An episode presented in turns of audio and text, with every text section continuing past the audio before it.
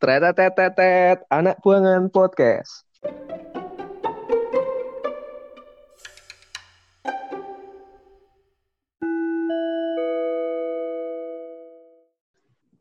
Ya, selamat sore, selamat pagi, selamat siang, selamat malam ya untuk semua pendengar podcast ini dan yang lagi live IG juga. Untuk pembahasan kali ini saya bersama teman saya Falah Falah Lutfi atau Upai. Nah, untuk episode kali ini Ardian nggak bisa ikut karena ada pengajian di rumahnya. Nah, untuk kali ini kita mau bahas apa, Pak? Uh, kali ini kita mau bahas soal apa namanya uh, lebih ke karir apa aja sih pekerjaan yang bisa kita lakuin di dunia kopi ini gitu. mulai dari hulu ke hilir gitu. nah so, kan kemarin upaya juga sempat ngomong bahwa kayak karir di bidang kopi itu masih dianggap sebelah mata. Nah tujuan dari episode kali ini tuh setidaknya untuk membuka pengetahuan teman-teman semua sih. Sebenarnya gimana sih prospek dan apa sih yang pernah dilakukan khususnya di bidang kopi? Mungkin gitu ya Pak. Iya betul betul. Nah untuk yang pertama mungkin kita bakal bahas ini dulu sih.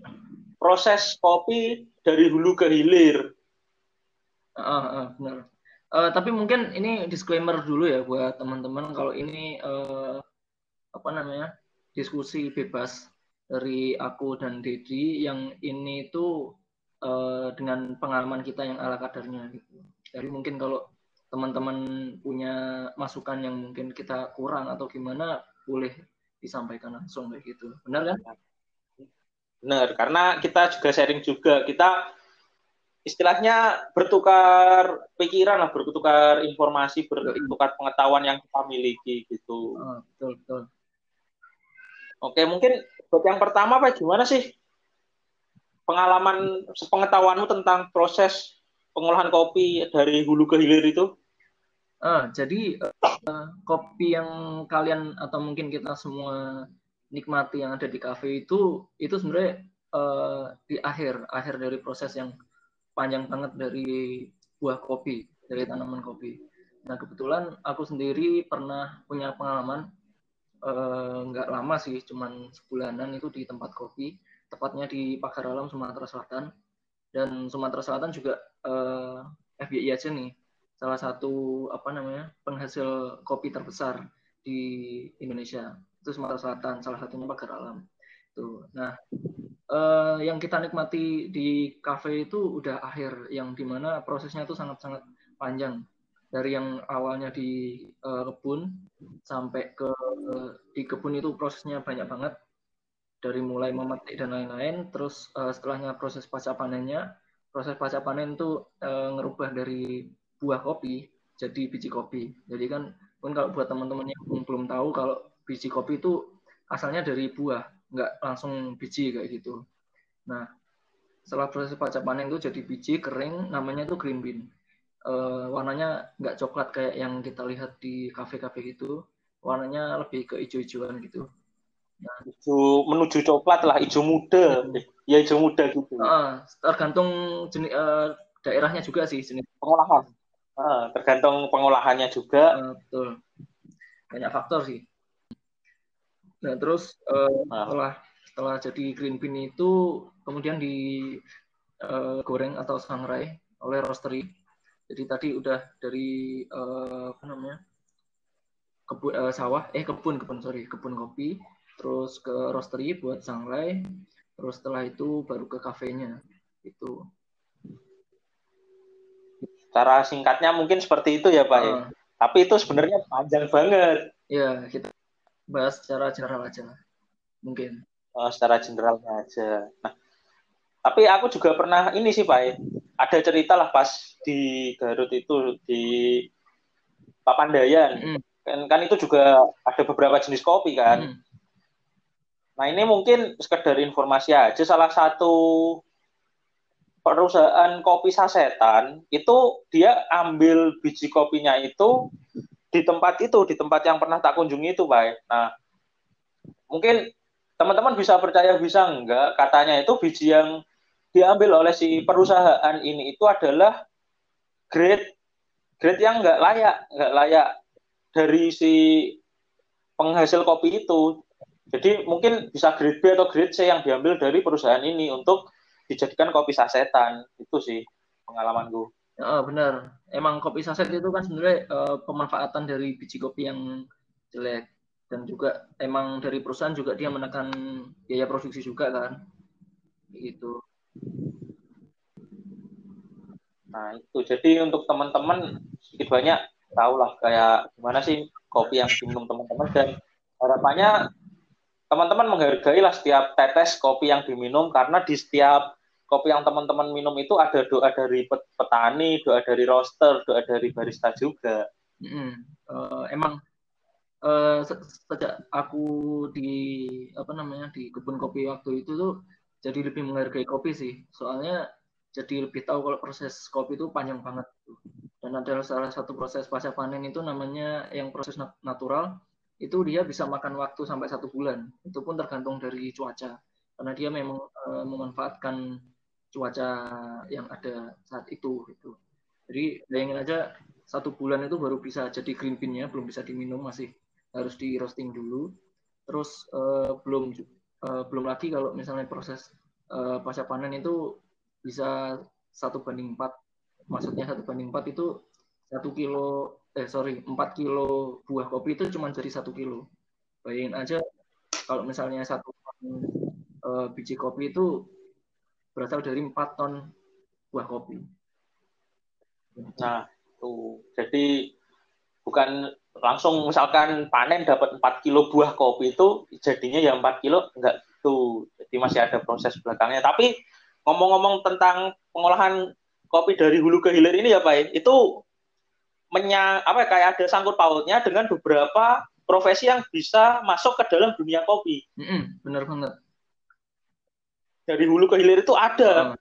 profesi khusus profesi khusus yang bagian menangani pengolahan-pengolahan kopi itu. Mungkin kita bakal bahas itu sih, kayaknya asik Pak. Kita menarik eh, kalau bahas itu. Kita emang malam ini mungkin spesifik ke sana, walaupun nggak dalam-dalam banget mungkin ya, Dit ya.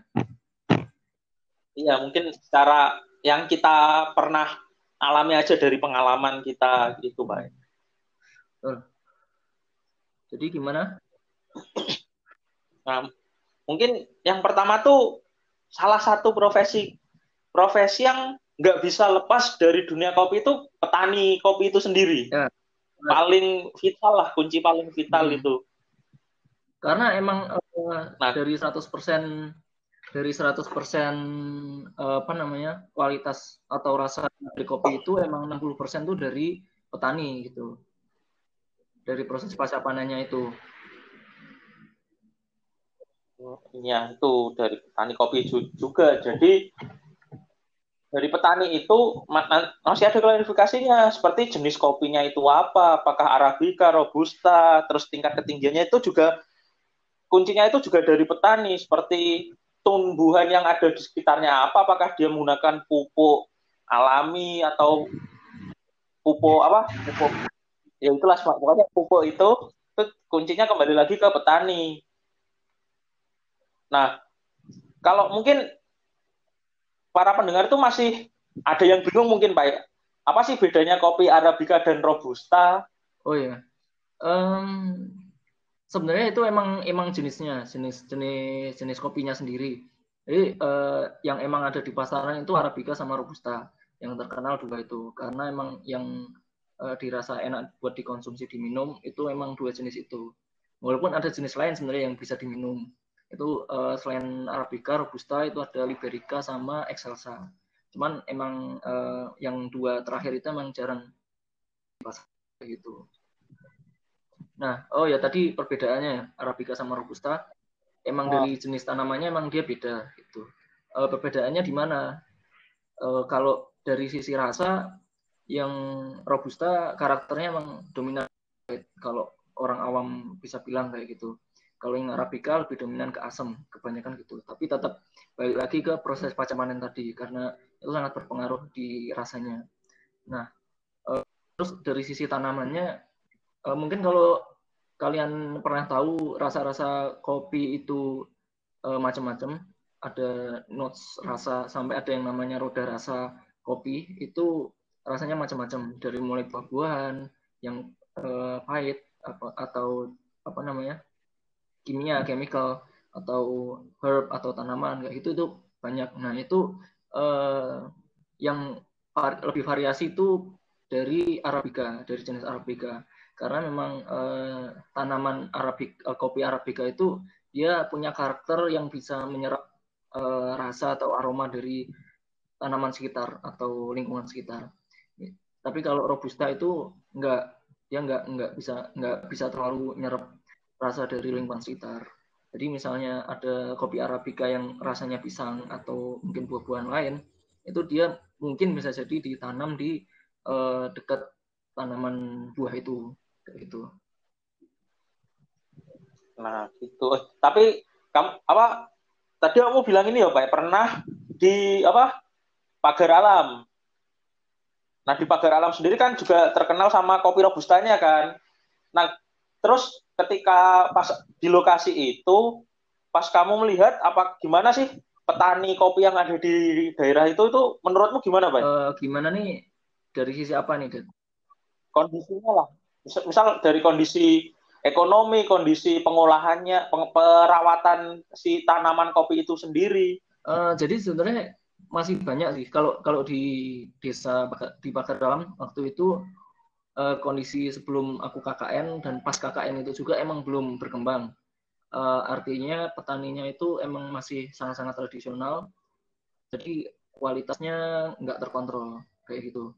Cuman alhamdulillahnya setelah kita KKN di sana petani di sana mulai uh, apa namanya mulai mengembangkan proses pasca panennya dia dan uh, gimana cara mereka panen termasuk memetik uh, dengan uh, memetik biji merahnya karena sebelumnya di daerah pagar alam yang di desa aku itu waktu itu dia belum petik merah. Jadi petiknya masih ngasal. Ada yang hijau ada yang kuning ada yang merah.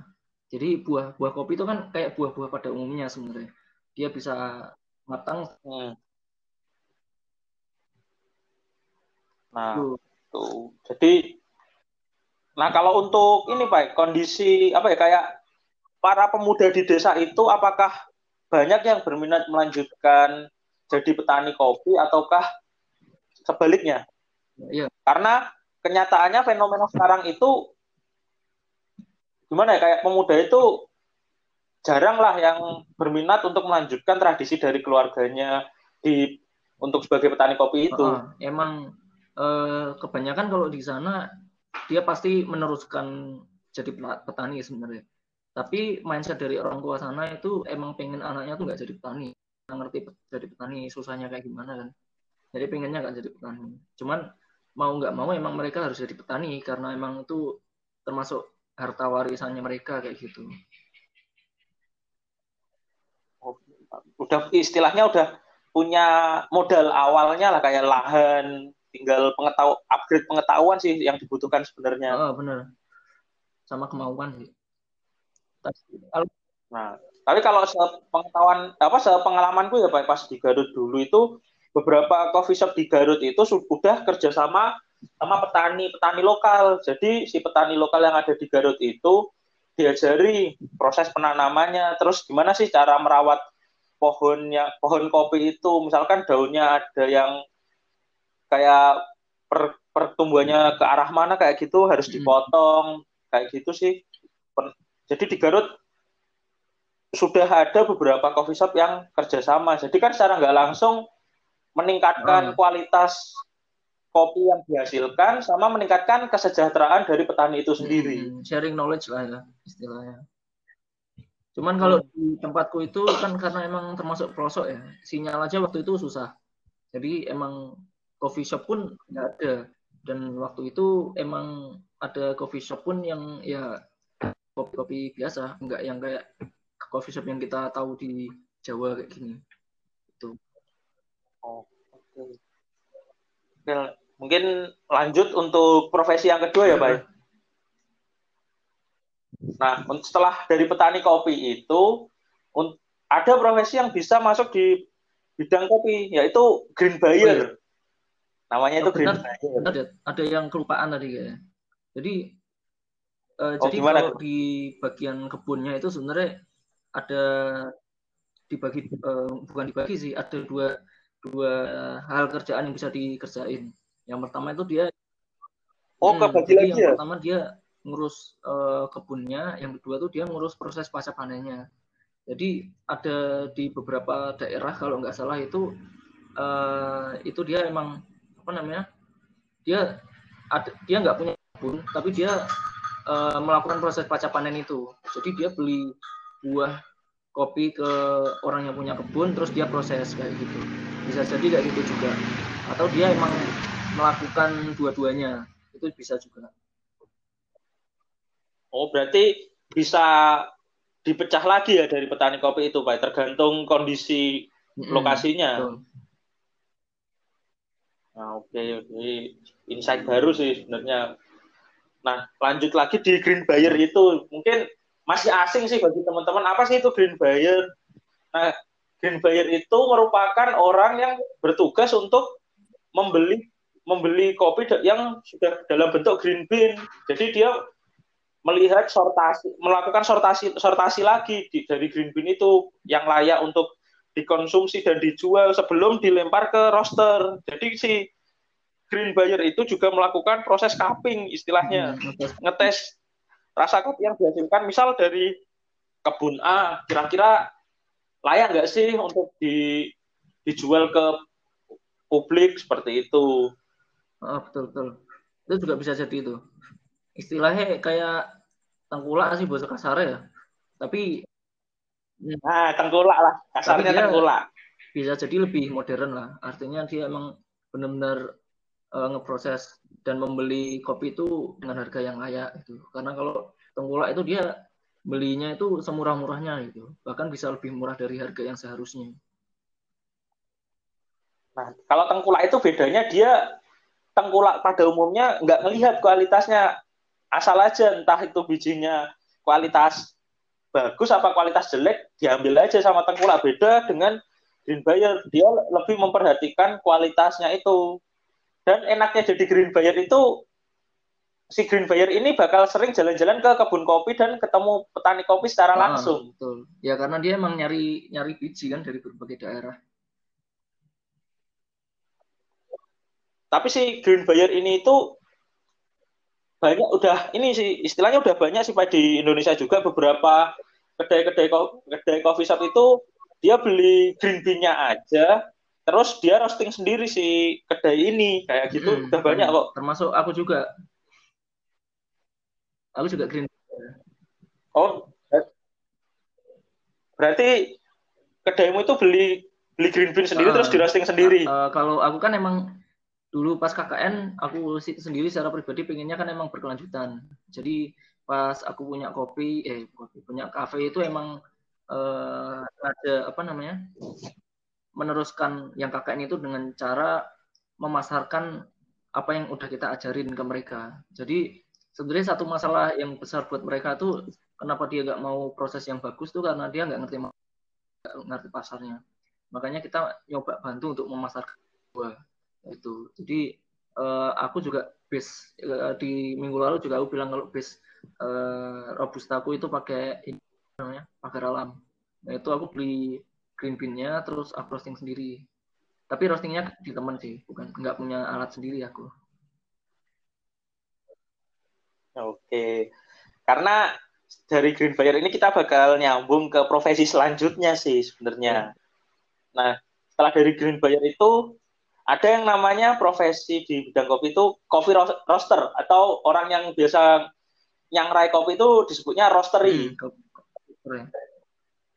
Sebenarnya roaster itu apa sih Pak? Bisa dijelasin Roaster Pak? itu ya sebenarnya sesimpel dia tempat tempat ngerosting kan sebenarnya. Roaster itu kan tempat roastingnya. Orang yang roasting itu namanya roaster. Kalau prosesnya namanya roasting kan gitu. Nah, mungkin teman-teman di sini nggak tahu mungkin Pak. Harga sebuah alat roasting kopi itu Wah, kalau sih? harga itu sebenarnya bervariasi sebenarnya karena eh, jadi kan dia tergantung kapasitasnya juga sama eh, apa namanya apa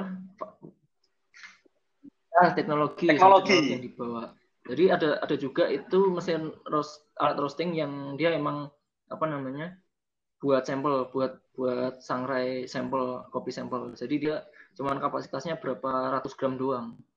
500 apa? Oh iya, yang, yang kecil, itu yang kecil. Paling ada yang 5 juta kalau nggak salah aku.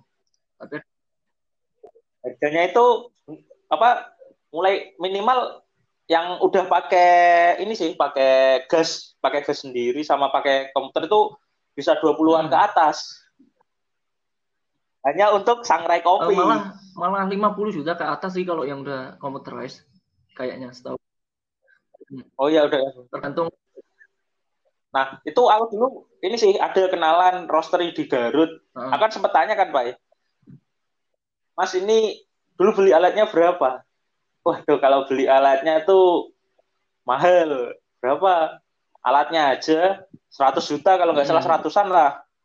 Nah terus itu udah langsung pakai mas. Enggak dimodif dulu hmm. ternyata pak dimodif sesuai gimana sesuai keinginan si roster nah, rosternya itu. gitu sih kalau yang udah ekspor rosternya habisnya itu untuk modif si alatnya itu katanya hampir setengah Yo. m. Ya percaya sih aku. Emang aku kaget kan masih pemula kan masih baru mendalami kopi tanya loh sampai segitunya ternyata untuk nyangrai kopi aja itu bisa sampai semahal oh, itu. emang emang mahal-mahal sih kalau teman-teman mungkin belum tahu. Karena uh, mungkin kalau teman-teman mikir mahal banget gitu emang emang mahal gitu tapi kalau udah tahu udah tahu kenapa sih kita apa ada orang yang beli sampai alat yang mahal-mahal gitu emang beda banget sih hasil roastingannya, konsistensinya dan sebagainya. Itu. Nah, karena si roastery ini juga harus paham tentang unsur-unsur kimia yang ada di kopi. Karena dari situ bakal mempengaruhi rasa dari kopi yang disangrai ah, itu. Ya, karena karena ini termasuk uh, food and beverage juga ya. Jadi uh, nggak nggak bakal jauh dari reaksi kimia juga. Walaupun aku belum melajari sih sampai sedalam itu. Iya. Paling kita masih belajarnya dalam tahap sangrai rumahan sih Pak, pakai wajan. Ya, itu mungkin bisa dicoba yang hasilnya kayak kalian bikin kemarin. untuk eksperimen sih sebenarnya untuk biar nggak penasaran kalau kalau aku dulu ngelakuin itu mm-hmm. biar nggak penasaran aja. Kalau aku sendiri karena basic engineering ya kadang aku sendiri melakukan hal-hal yang agak bodoh dalam tanda kutip gitu. Bodoh karena kita nggak punya alat atau apa, akhirnya ya kita modifikasi atau dengan alat yang seadanya asal pakai aja. Kayak gitu sih. Ya itu aja sih buat belajar kan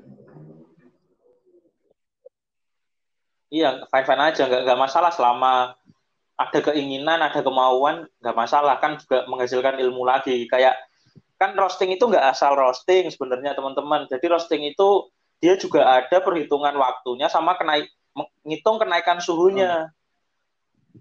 Nah, kalau nggak salah dari roasting ini tuh dia menggunakan beberapa beberapa indera indera di tubuh kayak indera penciuman, indera penglihatan, sama indera pendengaran. Hmm. Nah, untuk untuk indera pendengaran, si roster itu harus peka ketika dia mendengar first crack. Kalau nggak salah itu harus peka dalam mendengar first crack. Terus kemudian untuk indera penglihatan, si roster itu juga harus bisa membedakan kayak tingkatan rosternya, misal light roast, medium roast, dark roast itu juga harus teliti lah melihat gimana sih si bin yang di Sangrai ini udah mencapai tahapan yang mana. Terus untuk indera penciuman kan ketika ngerosting ada aroma aroma kopi yang disangrai itu aromanya khas dan eh, wangi banget lah. Itu juga si roaster juga harus paham hmm. tentang hal-hal itu. Emang di kopi nganu sih, emang nah, mungkin untuk indera kita tuh sangat-sangat uh, digunakan gitu. Nah, kalau teman-teman yang belum tahu untuk roastery atau sangrai kopi itu juga ada kompetisinya kok. Baik di Indonesia juga udah udah ada kalau nggak salah tahun kemarin itu di IBRC, IBRC kalau nggak salah itu udah ada kompetisi roastery. Jadi pesertanya itu nyangrai kopi, terus ada kayak instrumen-instrumen penilaian, terus instrumen dalam proses sangrai kopi itu sendiri? Uh, memang di tiap tiap okay. sektor di industri kopi ini ada kompetisinya sih, Det, sebenarnya ya kan. Termasuk petani ada kompetisinya. Hmm. Lomba-lombaan pesan green bean kayak gitu. Nah, itu. Iya, bener. Karena itu sih semua juga ada kompetisinya. Nah, lanjut lagi setelah dari proses roastery itu ada yang namanya kaper atau cupping lah istilahnya setelah kopi di disangrai itu nggak otomatis langsung disuguhkan ke pembeli. Jadi ada proses lagi yang namanya cupping atau di dirasakan lah kopi itu gimana. Terus untuk mencari tahu karakteristiknya, nah itu biasanya pak metode SCAA kalau nggak salah, Specialty Coffee Associate. Jadi kayak yang tadi Upaya bilang ada lingkaran yang memetakan karakteristik dari hmm. kopi. Hmm Nah, mungkin Upay sendiri nih yang udah punya kedai biasanya dalam melakukan cupping itu gimana uh, sih, Pak? Eh, kalau kalau kita cupping sih sebenarnya masih belum standar ya. Cuman kalau di apa namanya? RSCA itu dia ada formnya gitu. Uh, mungkin nggak usah deh. Pokoknya ada ada formnya gitu, form form buat isian. Jadi uh, kita nilai dari beberapa aspek, misalnya kayak uh, apa namanya? tingkat like atau boldnya terus uh, bentar aku lihat di Google aja.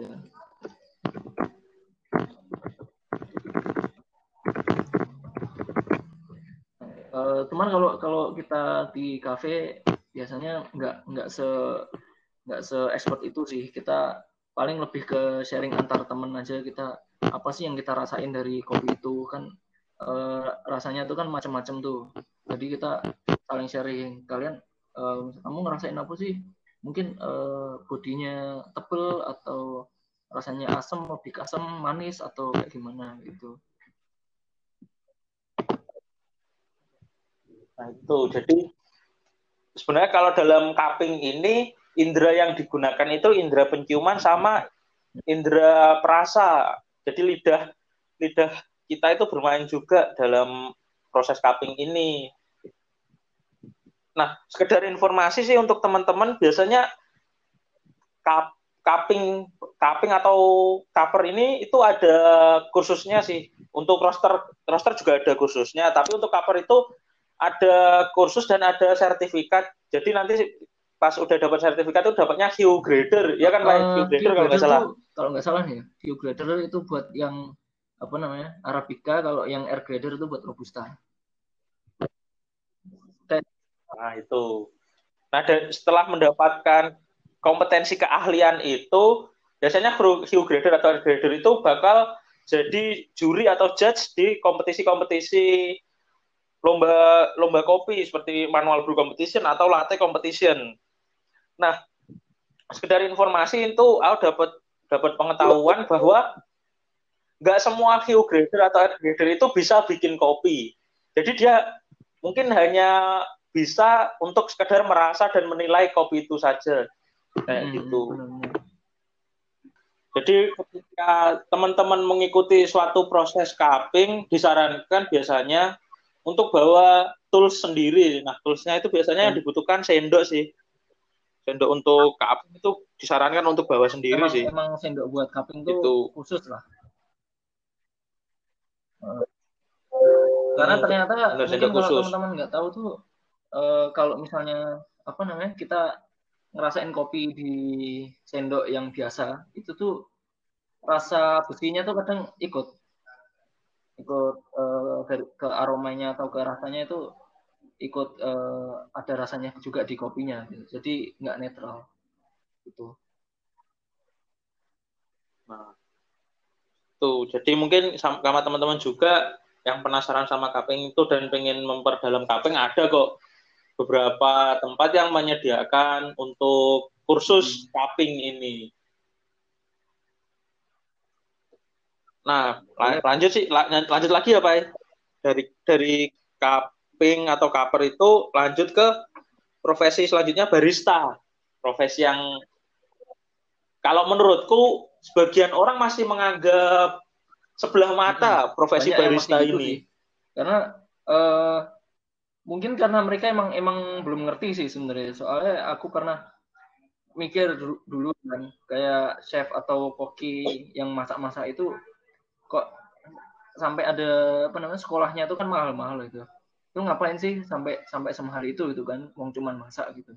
Ternyata di kopi ini setelah aku terjun di dunia ini uh, ngerti ken kenapa sih kok sampai sedetail itu dan nggak bisa ngeremehin semua profesi ya nggak nggak cuma barista doang gitu. Karena di dalamnya sebenarnya banyak yang harus dipelajari nggak cuma sekedar bikin kopi misalnya dalam hal ini kopi gitu kan. Nah mungkin sepengalaman Pai sendiri tentang barista itu gimana sih pandangan uh, pandanganmu Pai pandangan gimana nih Jed? pandangan ya kayak pengalamanmu lah sampai sejauh ini tentang uh, profesi barista ini. Sih, profesi barista ini emang nggak bisa dipandang uh, sebelah mata ya. Sebenarnya semua semua profesi sih jangan jangan anggap sebelah mata, jangan mandang sebelah mata karena tiap profesi itu punya kesulitan tingkat kesulitannya masing-masing. Terutama di barista ini juga uh, kalau kalian pelajari kopinya itu sendiri dari yang kita bahas sejak awal tadi kan kita udah uh, mungkin sedikit memahami ya bagaimana itu apa proses kopi itu hmm. cukup panjang hingga jadi uh, a cup of coffee kayak gitu.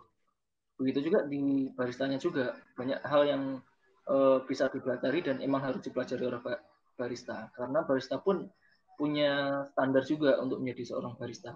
Sebenarnya kayak gitu.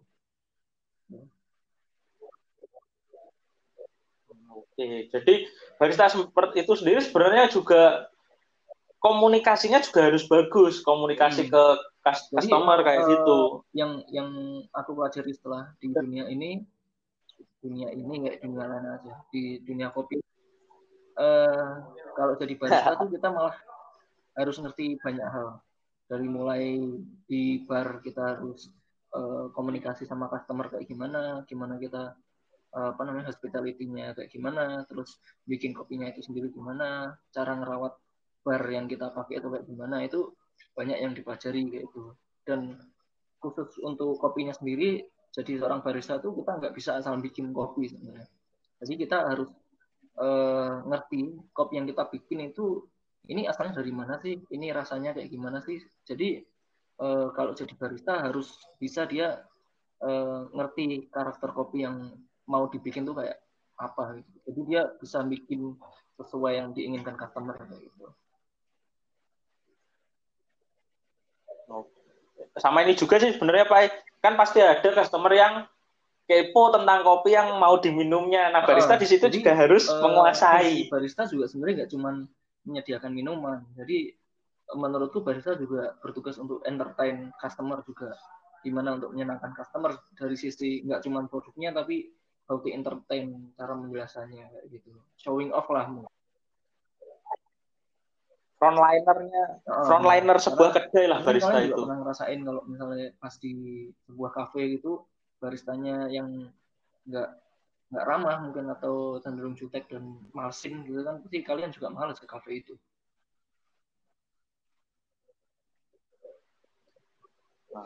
Oh iya, sekedar ini sih FYI aja.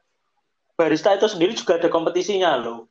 Nama kalau kalau kemarin kan dua tahun oh dua tahun yang lalu kalau nggak salah kan sempat jadi voluntary di BBRC Bandung Brewers Community. Dan lihat lihat sendirilah kayak kompetisi barista secara langsung itu kayak gimana terus persiapannya. Dan aku salut sama para barista barista itu karena apa? Ketika dia mengikuti kompetisi itu aku baru tahu dia itu juga harus mengetahui seluk beluk dari kopi. Misalkan kopi ini jenis apa, ditanam di ketinggian berapa, proses proses pasca panennya menggunakan apa, entah natural, full bos atau wine. Itu barista menjelaskan secara detail kepada juri itu tadi sebelum juri mengicipi rasa dari kopi yang diseduh kayak gitu.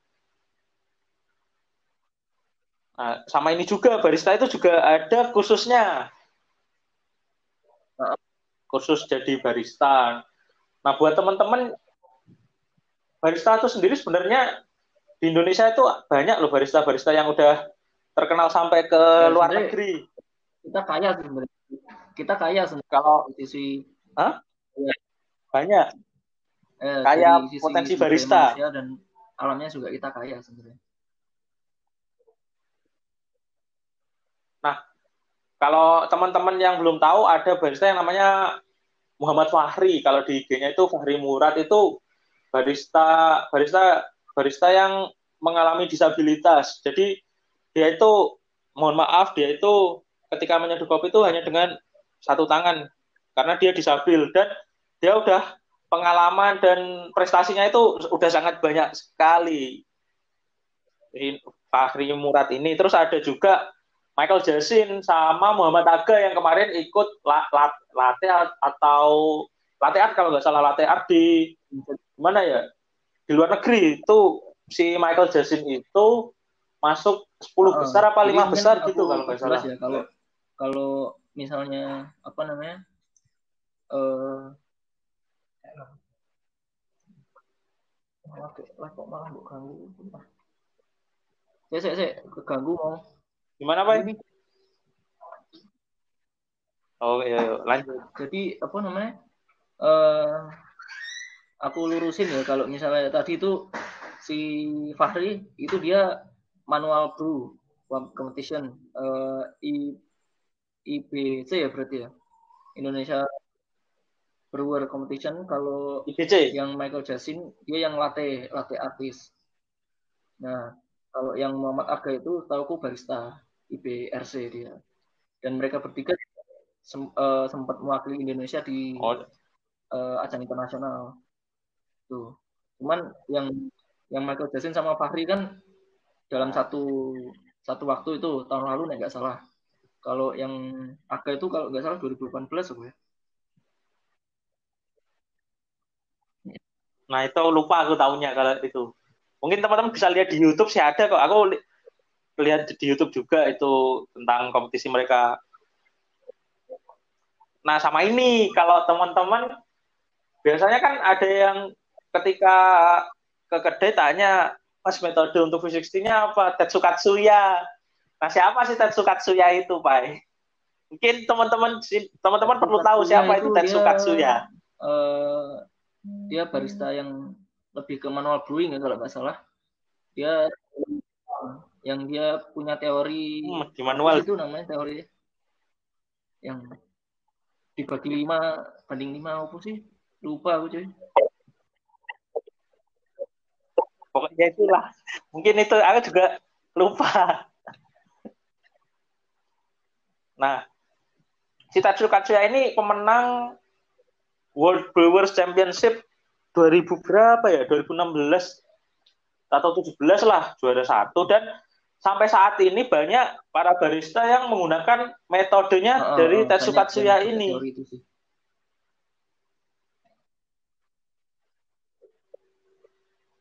Nah, dari situ kan teman-teman pasti tahu lah bahwa profesi barista itu sangat-sangat susah sekali kayak cara belajarnya dan harus ada iya, kemauan sih sebenarnya.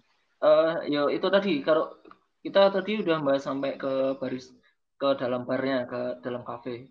Jadi mungkin aku perjelas lagi kalau misalnya di tadi kan udah sampai roastery ada profesi ke rosternya yang sangrai kopi. Nah, terus uh, kalau di kafenya itu yang apa namanya? dibagi lagi juga ada yang latte artis yang dia tukang gambar-gambar kopinya itu macam-macam itu susah.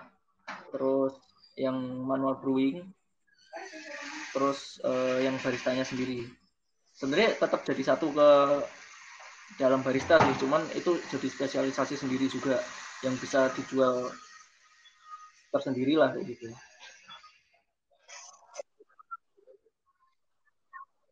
Oke. Nah itu jadi setelah dari barista profesi barista ini ada sih profesi lagi Pak. Kalau biasanya sebutnya sales atau ke penjualan. Jadi dia itu fokus ke penjualan tools-tools kopi baik dripper, terus grinder dan lain sebagainya. Contohnya itu kayak Oten Coffee, terus Maharaja Coffee, Samde Sampo dia punya project sama beberapa untuk custom tools itu. Nah di sales ini biasanya bisa di dia punya toko ruko ruko sendiri atau via online kalau teman-teman misalkan mau cari grinder atau mau cari dripper itu nah profesi itu masuknya di sales kalau dalam dunia oh, kopi. Benar.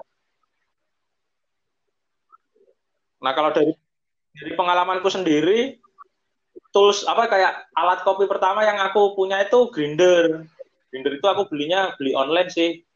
Dan sekarang grindernya udah hilang, jatuh nggak tahu jatuh di mana. Iya, mau beli lagi rencananya. Nah, kayak gitu. Dan sales ini kayak dia itu benar-benar perannya itu ketika kayak kalau pengalamanku sendiri si di sales ini kayak Oten itu kemarin tuh kerjasama saat BBRC. Jadi dia itu yang minjamin alat-alat kopinya untuk dipakai peserta dalam kompetisi. Mungkin tambahan ada tambahan lagi gak buat peluang peluang usaha teman-teman yang emang pengen terjun di dunia kopi mungkin bisa jadi salah satu opsi kayak gitu. Kan emang uh, alat-alatnya itu masih terbatas sih. Uh, kebanyakan masih impor kan kalau nggak salah tuh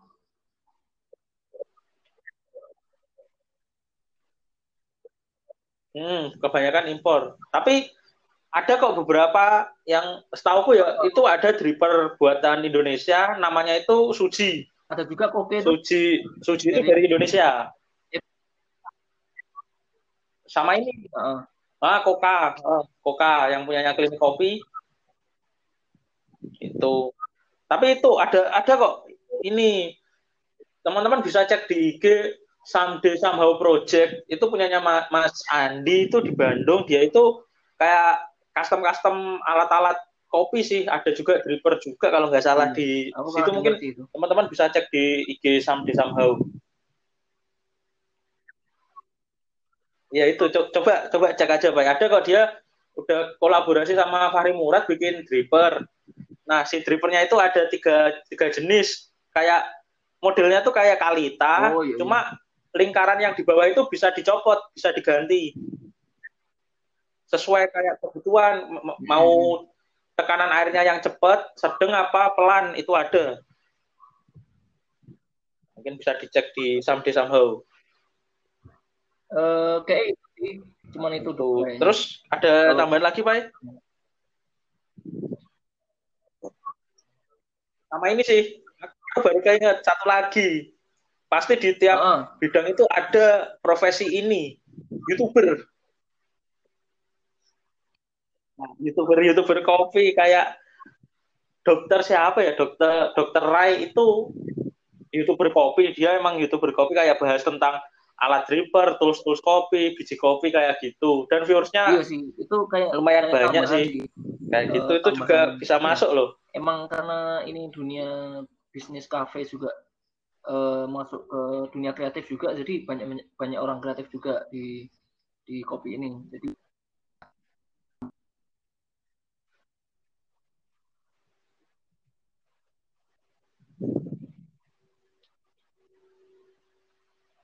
Kayak ini review-review tempat kopi kayak gitu pasti ada. Baik. Halo? Baik. Nah, masuk. Halo, halo. Suaramu hilang. Wes. Oh iya, Yo yo, coba ulang ulangi oh. nih, Pak. Sing Halo, wes wes. Sing YouTube. Wes jelas. Sing ulangi lah sing oh, iya. ngomong nih, Jadi menurutku nek kok nih sih kalau kalau YouTube itu ah. kayak jadi bonus sih jadi emang uh, itu kayak tambahan jadi biasanya emang karena kita di dunia kopi ini terutama di kafe itu masuk ke bisnis kreatif juga jadi di uh, kopi ini juga banyak orang kreatif. Nah salah satunya juga bikin konten. Konten tentang kopi juga salah satu uh, bisnis kreatif juga. Jadi ya nggak heran juga kalau uh, banyak yang bikin channel juga. Dan ada beberapa juga yang kayak jadi selebgram gitu.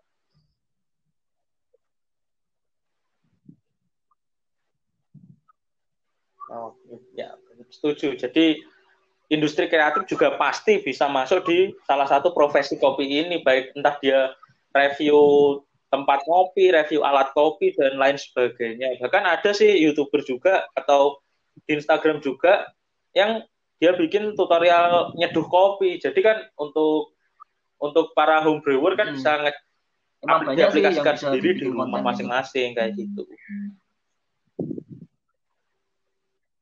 Heeh. Iya.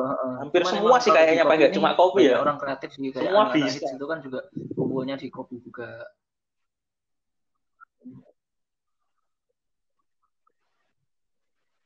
Oh iya. Banyak juga kok yang kontennya apa, Banyak bikinnya juga di te- tempat ngopi. Kayak gitu. Nah, mungkin Eh, ini sih Pak oke. bahasan untuk episode kali ini cukup sampai itu sih.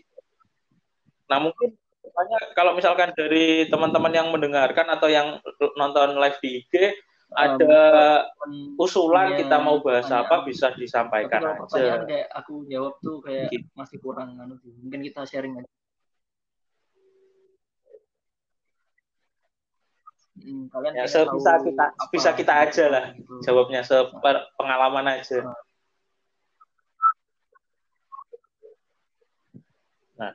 karena jujur aja buatku kiblat kopi itu nggak cuma satu arah aja, banyak arah kok.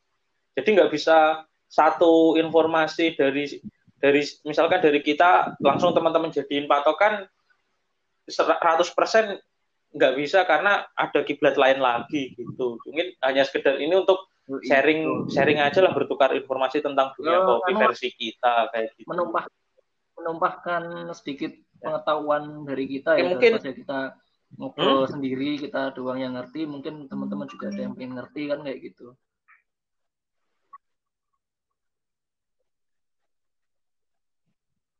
Nah, benar setuju.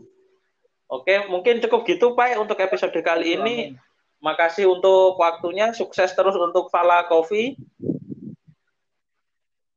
Eh, sampai jumpa lagi di episode selanjutnya untuk podcast anak buangan dan teman-teman yang Eh, mungkin buat teman-teman nonton live di